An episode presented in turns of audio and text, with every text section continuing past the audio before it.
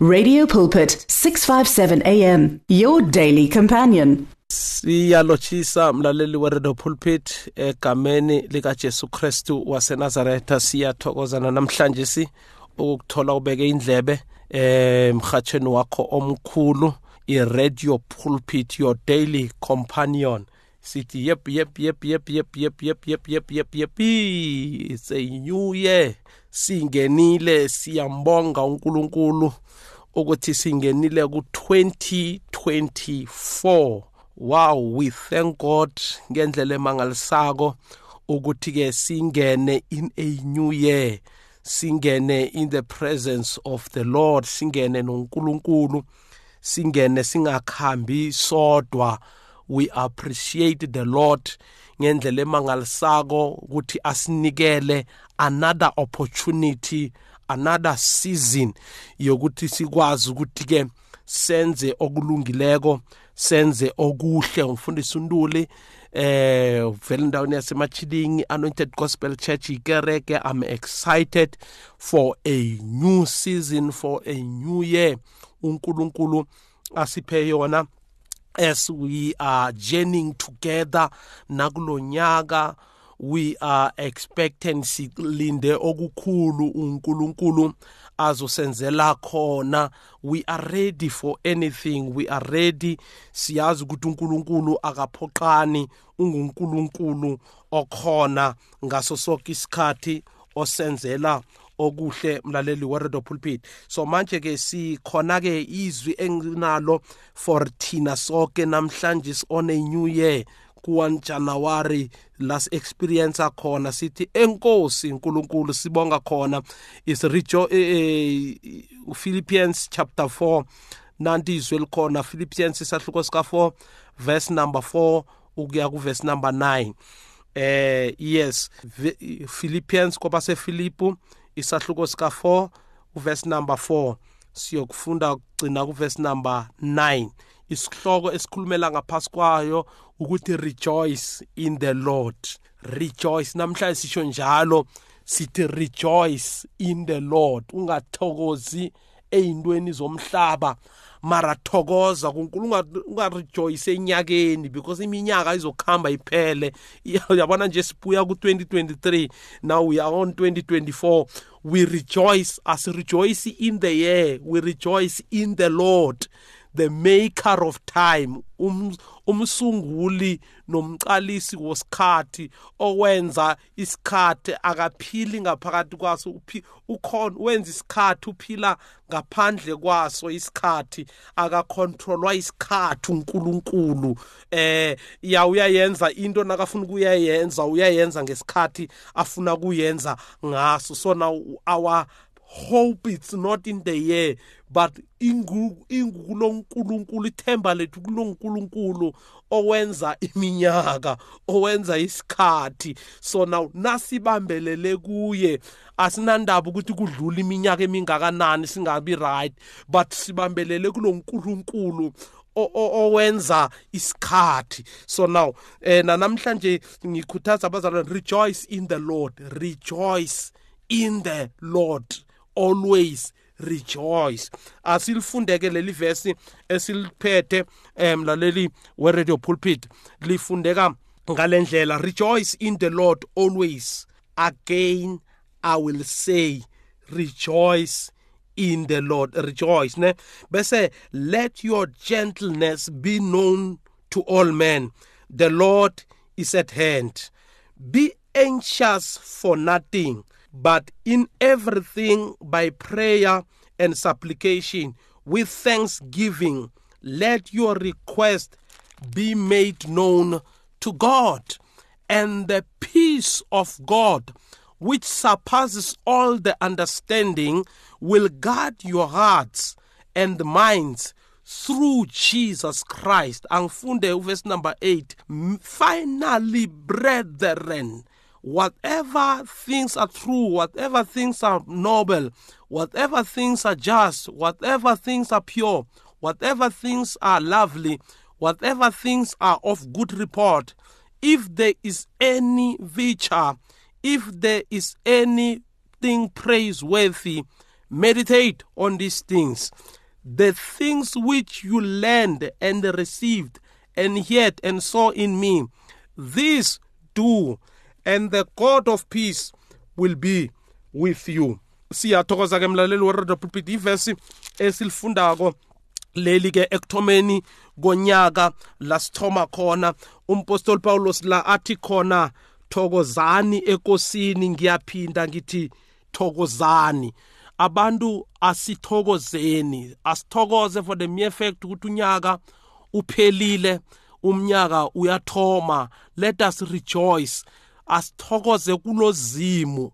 rejoice in the Lord njengoba ngithwile ngiyaphinda kodwa thokoza kuzima ungathokozi endweni zalomhlaba kunezinto ezithokozisa abantu abantu bathokoze ngoba uthenga ikoloyi omunye athokoze ngoba uthole umntwana omunye athokoze eh ngoba mhlambe uthole ipromotion emberegweni omunye athokoze ngoba uthole imali omunye athokoze uthole umbereko omunye athokoze uthole isikolo uyabona zinenge izinto ezithokozisa abantu manje kwesinye isikhathi uthola ukuthi lezi zinto lezi nazingekho abantu abanakho ukuthokoza manje uzimu upostoli paulos namhlanje usivezela indaba yokuthi asithokoze asithokoze nkosini asithokoze ukuthi uzimu sinaye ehlangothi lethu asithokoze uzimu ngoba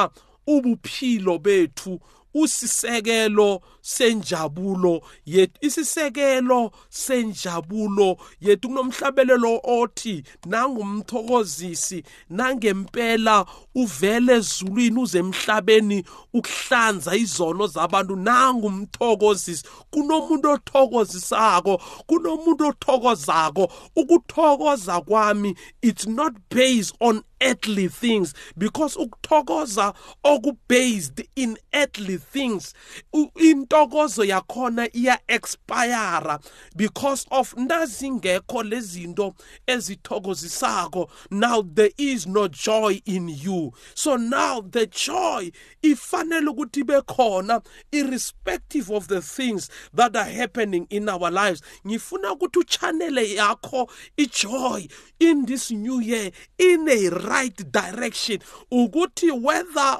uyayithola ipromotion or awuyitholi rejoice in the lord whether uyayithola imali awuyitholi rejoice in the lord whether uyawuthola leyo promotion obusolo uyifuna now angiyitholi rejoice in the lord uyabona nawenza njalo you will confuse your enemy you will confuse the devil usathane uzothi kanti how can he be joyful while the situation are piling up in his home while abantwana bakhe they are not listening to him while isimo sakhe esikolweni he is failing but he is rejoicing abantwana bakhe bayashona but he is rejoicing akanamali but he is rejoicing he doesn't have a car he is, but he is rejoicing now satan i'm here to tell you ukuthi my joy is not based on earthly things i rejoice in the lord i rejoice in the lord whether i'm happy or don't help, whether I'm sick, I'm going to rejoice.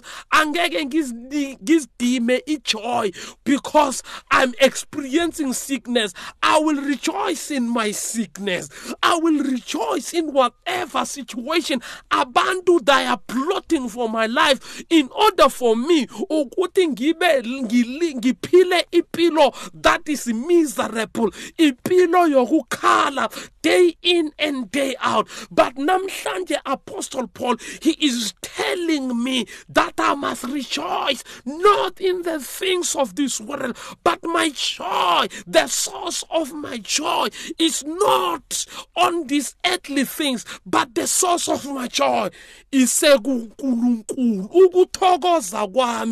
kuNkulunkulu the joy that i have angakayinikelwa abazali bami angakayinikelwa ama friends ami angakayinikelwa ama call but the joy that i have no one can give it away and the joy that i have akekho kodwa ongayithatha injabulo enginayo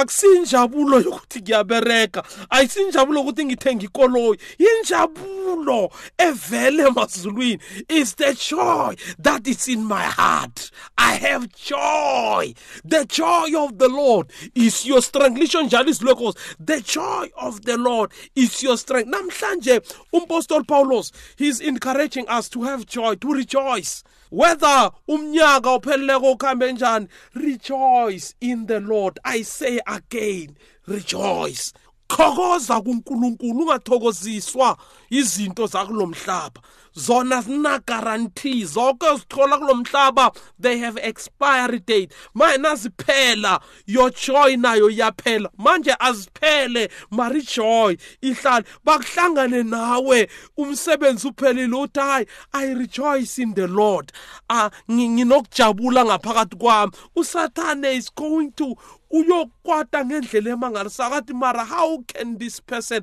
abe nejoy kanti ngilethe izinto ukuthi zizok iqeda le joy angabi nejoy angabi namandla okucalana nempilo nawuba nejoy uba namandla okucalana nempilo uba namandla okuyoku-aplya uba namandla okwenza izinto why because you have the joy inside of you rejoice in the lord mlaleli weredio pulpit la ukhona rejoice in the lord manje uthi let your gentleman gentleness ne be known to all men ubumnene benu abakwazi abazeke abazeke kibo bonke abantu inkosi seyiseduze nobuya the lord is at hand so inkosi ayingafiki ukwatile inkosi ayingafiki usese sad ngenxa yezinto ezikulahlekeleko let your gentleness be known to every man be anxious no uthi ningakhathazeki ngalutho now now ningakhathazeki ngalutho but emthandazweni konke kulethene emthandazweni ngomthandazo nangokucela nangokuthokoza now irrespective of ama situation osinawo now asithi nasiya kuNkulunkulu sibe ne thanksgiving now sibe nokuthokoza sibe nokuthokoza uyabona ukuthokoza uthokoza njani ungabereki uthokoza njani unganakudla uthokoza njani uyabona i source of joy inhliziyo yakho uthi nawusemthandazweni uthandaza kuNkulunkulu you have thanksgiving in you uthi baba ngiyathokoza though ngingabereki but i have you in my life though nginganakudla but i have you in my life uyabona when you have i-gratitude ngaleyo ndlela when you have that gratitude ukubonga ngaphakathi kwakho uNkulunkulu uyabona ukuthi lo muntu he is appreciative though anganazi izinto izinto zakhe ukuthokoza kwakhe aku-affectwa izinto zakwamhlaba he is happy in each and every situation he is happy in ezintweni zonke he is happy so now uthi ngakho konke uletha ngokuthokoza na uyokubawa ubawa uthokozile na uletha umthandazo wakho wakho uletha ibase yakhona you have a gladness uthokozile ngaphakathi kwakho ne uthi leto eh, iy'ncelo zenu azazeke kubani kuzi manje nani njalo uthi and the peace of god which surpasses all understanding will guard your hearts na ugutula kankulunkulu okudlula ukuqonda konke irespond out of ugubonga kwakho ugurichoisa kwakunkulunkulu lithi ibhayibheli uzofaka god and the peace of god which surpasses all understanding will guard your heart ngamanye kama you will have the peace of god uzoba nokuthula kukankulunkulu uNkulunkulu. I need the peace of God because the peace of God is not the peace of this world. The peace of this world ikhamba nama terms nama condition. I peace of this world ikhamba nemibandela ethize, imibandela yabantu, imibandela yezinto yama circumstances ways umozempilo mara the peace of god ingukuthula okuvela kuNkulunkulu okungaaski okungabuzi ukuthi unani but the peace of god ube ne peace of god yey 2024 khamba nge peace of god ungakhambi nge peace yabantu 2024 khamba ne peace of God let the peace of God that surpasses all understanding ukungaqondakali akuqondakali ukuthi how can you have peace while izinto zingasi right nangarare kuJesu walala emkhumbini when they were crossing over to the other side lithi iBhayibheli the storm savuka lithi iBhayibheli abafundi bakaJesu bazama ukuqawulana nestorm but uJesu uswalele phakathi kwestorm how can you sleep in the middle of the sea while there is storm now uyazibuza ukuthi ulala kanjani